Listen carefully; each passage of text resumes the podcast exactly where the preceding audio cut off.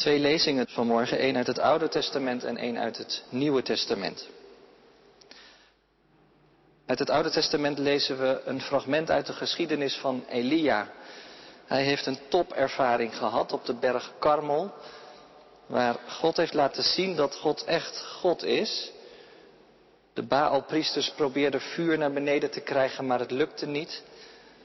Maar de Heere liet zichzelf zien in dat vuur.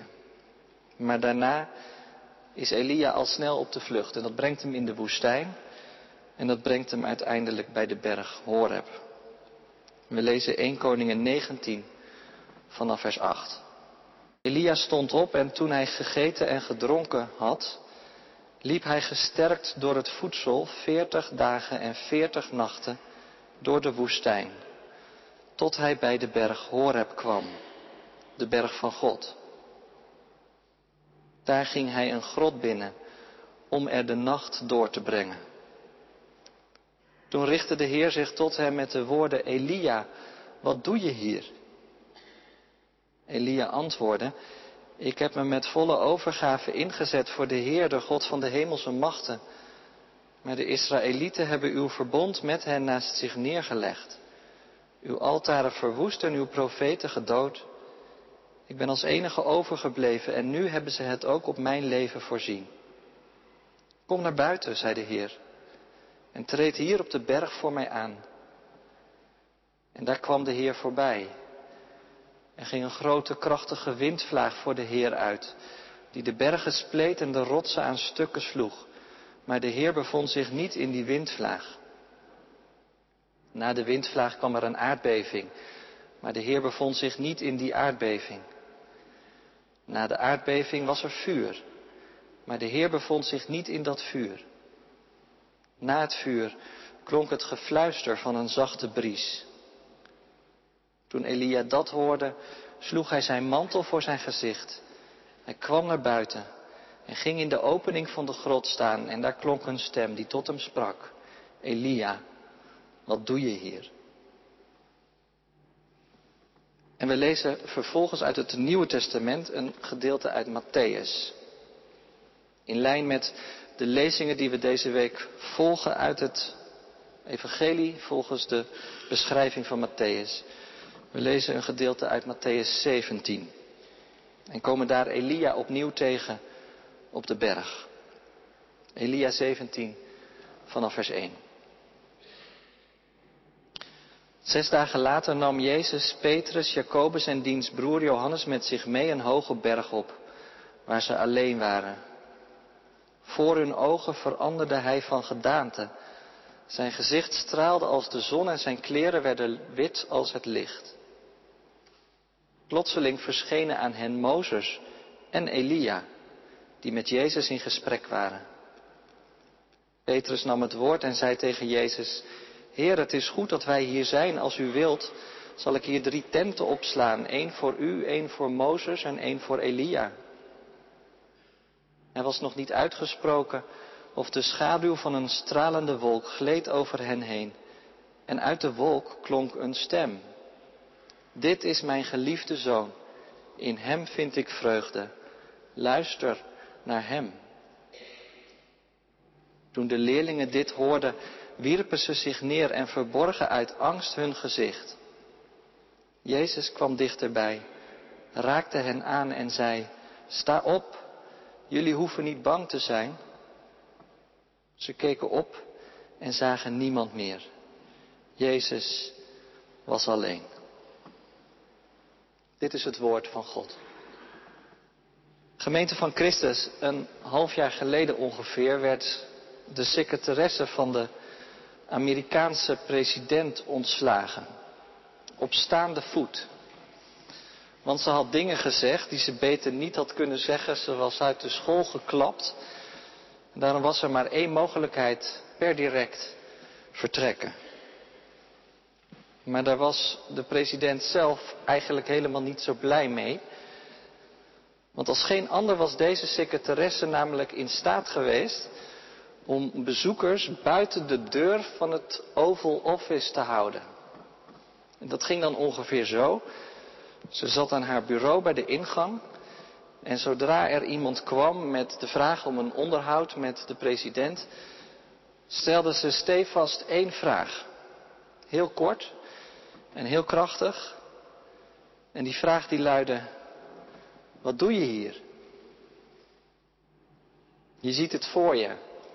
De priemende ogen van de secretaresse en de bezoeker die een zo sterk mogelijk verhaal probeert te houden om maar langs die horde te kunnen komen.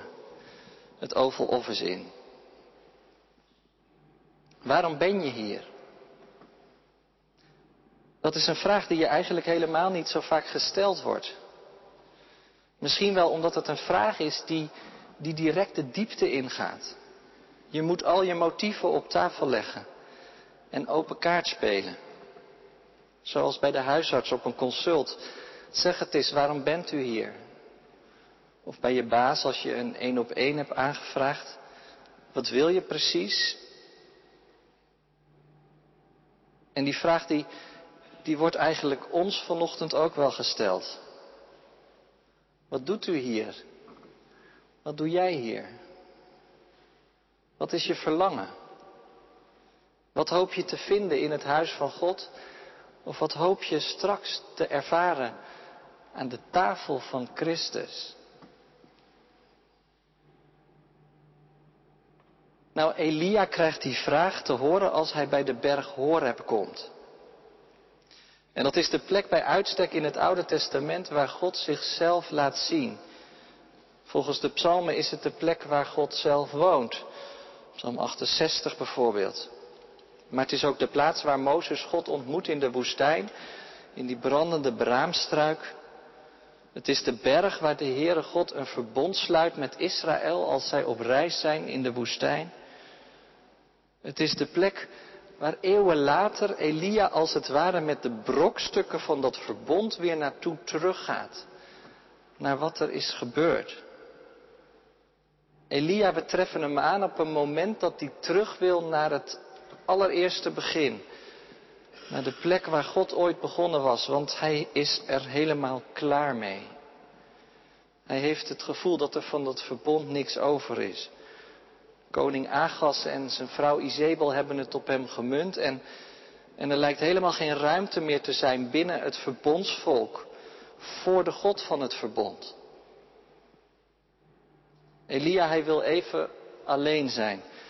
Hij heeft behoefte aan een afgelegen plek. En met zijn ziel onder de arm vertrekt hij de woestijn in, op zoek naar God. Misschien herken je het wel. Ik weet het niet. Maar er kunnen toch af en toe momenten zijn in je leven dat je echt niet meer weet waar je naartoe moet. En dat je denkt, laat ik maar bidden, want baat het niet, dan schaadt het niet. Misschien is er een God die me helpt. En wat een wonder in deze geschiedenis, als je dan leest dat dat inderdaad het geval is. Want God laat zich vinden in de geschiedenis in Koningen. En hoe? Nou, op een manier die indrukwekkend is. Want God blijkt de zorgen van zijn profeet serieus te nemen. En vraagt tot tweemaal toe aan hem. Wat doe je hier? Vertel het eens. Wat is er met je aan de hand? En dat vraagt God niet om hem vervolgens weg te kunnen sturen of om hem bij hem vandaan te kunnen houden. Zeker niet. Dat vraagt God zodat Elia zijn motieven op tafel legt. En prijsgeeft wat er diep in zijn ziel speelt. Nou hebben we niet het hele verhaal gelezen, maar, maar je kent het wellicht wel. Een fragment hebben we wel gezien. Wat gebeurt er op die berg? God laat eerst zien waar hij niet in is. Er gaat een hele grote en sterke storm voorbij. Maar God is daar niet in. Er klinkt het lawaai van een aardbeving. God is ook daar niet in. En ook niet in het geknetter van vuur. Dat zijn natuurlijk elementen die je wel bij God of bij de goden zou verwachten. Dat zijn dingen die zoden aan de dijk zetten. Vuur en donder. Ik las in de krant de naam van de twee ziekenhuizen die in Wuhan de Chinese stad zijn gebouwd. Noodziekenhuizen om het tijd te keren van het doorbrekende coronavirus.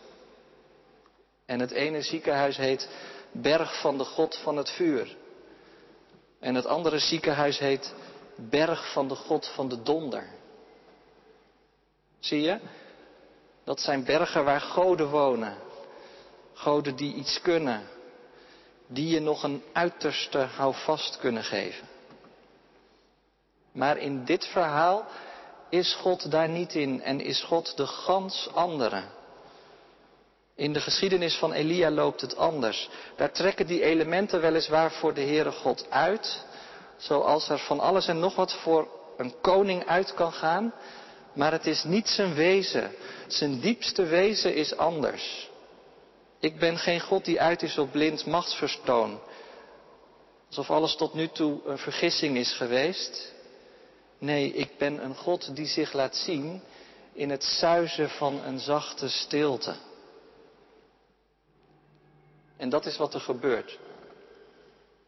Bij al dat natuurgeweld is Elia nog in de grot blijven zitten. Maar, maar als hij die, die zachte fluisterstem heeft gehoord, dan komt hij eruit. Je kunt dat woord niet zo goed vertalen wat er staat in het Hebreeuws. Dat zie je ook wel, dat er in de verschillende Nederlandse vertalingen op allerlei manieren wordt gezocht naar de betekenis van wat daar nou precies gebeurt. Is het het zachte suizen van de stilte? Is het het gefluister van een zachte bries? Is het de stem van een zachte stilte? Nou, dat woord stem komt wel in de buurt. Heel zachtjes wordt er iets gezegd. Het is een fluisterstille stem die Elia hoort. Die stilte is dus niet de afwezigheid van alles, maar er is communicatie op een of andere manier. En er gebeurt iets met Elia. Het geeft hem voldoende geloof en vertrouwen om op de been te komen. Je kunt je afvragen wat er gezegd is. Wat heeft Elia gehoord in het gefluister van die zachte bries? Dat weten we niet en dat hoeven we ook niet te weten. Want God spreken is altijd een mysterie. Zoals het werk van Gods geest in ons een geheimenis is. De Tsjechische theoloog Thomas Halik verwoordt het ergens in een boek heel scherp. Hij zegt de eerste en de laatste zin van alle theologie moet dit zijn. God is mysterie. Maar dan moet je er wel meteen achteraan zetten. Wie dat ervaren heeft, die weet dat het geheimenis werkt. Zoals Jezus zegt, mijn schapen horen mijn stem. Gods geest kan je leven veranderen, echt waar. Je kunt nieuwe energie krijgen, net als Elia. En zo maken we vanmorgen de stap naar die lezing uit Matthäus. Jezus zoekt ook regelmatig de verborgen omgang met zijn vader. En meestal is daar niemand bij. Maar dan ineens in dat gedeelte dat we lazen, Matthäus 17, dan is Jezus in gesprek met Mozes en met Elia. En ze zijn vanochtend allebei al voorbijgekomen. Daar staan ze, de drie hoofdfiguren uit de heilsgeschiedenis. Mozes, de man met wie God ooit een verbond begon. Elia die als het ware met de brokstukken van het verbond bij de Horeb terechtkomt. En dan Jezus die in de Hebreeënbrief de hoge priester van een nieuw verbond wordt genoemd. En dan klinkt er ineens een stem. Een stem uit de hemel. Dit is mijn geliefde zoon. In hem vind ik vreugde. Luister naar hem. Deze Jezus is Gods zoon die mens werd. Die de schuld en de zonde wegdroeg. Waardoor wij met vrijmoedigheid toegang hebben. En mogen naderen tot de troon van de genade. Weet je, op de Horeb is het een fluisterstille stem die Elia op de been bracht. En we zagen dat het spreken van God altijd mysterie is. Maar dat je die stem echt wel herkent als je hem hoort. En dat komt misschien wel omdat hier in Matthäus 17 een tipje van de sluier wordt opgelicht. Als God spreekt en zijn zoon in het volle licht zet. Jezus Christus die op Golgotha de weg naar God definitief openmaakt. Omdat hij de schuld wegneemt die tussen ons en God instaat. En ik kan me zomaar voorstellen dat je het moeilijk vindt om je aan die wetenschap toe te vertrouwen. En ik weet ook niet of je die verborgen omgang met God zelf kent. Soms aangevochten, maar tegelijkertijd heel werkelijk. Maar het blijft mij verrassen dat ik steeds weer mensen spreek die zeggen, maar ik ken het. Ondanks mijn twijfel spreekt God tot mij. Zo heb ik God inderdaad leren kennen in mijn leven. Want hun getuigenis geeft me vertrouwen en geloof dat het kan en dat de weg naar God inderdaad open is. En zo mogen we Gods genade vanmorgen ervaren aan zijn tafel. En nieuwe kracht ontvangen voor ons leven. De viering van het avondmaal kan zomaar een bergervaring zijn. Dat je even boven de alledaagsheid wordt uitgetild. En je kunt het niet verklaren. Maar ineens zie je Jezus zoals zijn leerlingen hem zagen. Met een gezicht dat straalt als de zon. En in kleren die wit zijn van het licht. Wat doe je hier? klonk er op de Horeb. En nadat Elia had uitgelegd wat hij kwam doen, liet God zelf zich aan hem zien. Gods heiligheid was zo verblindend dat hij zijn mantel om zijn gezicht moest wikkelen. Waarom zijn wij hier, zullen die leerlingen gedacht hebben bij de berg in Matthäus. Toen ze diezelfde heiligheid van Jezus afzagen stralen. Ze voelden zich volstrekt niet op hun plaats. Ze wierpen zich ter aarde en drukten hun neus in het stof. Maar toen gebeurde dat hele wonderlijke, want Jezus zelf kwam op hen af en zei, sta op, wees niet bang. Dat is het geheim van het evangelie. God komt in Jezus Christus heel dichtbij. Hij neemt je angst weg, geeft je vrijmoedigheid om tot Hem te naderen, ook vandaag, want de toegang is vrij. Amen.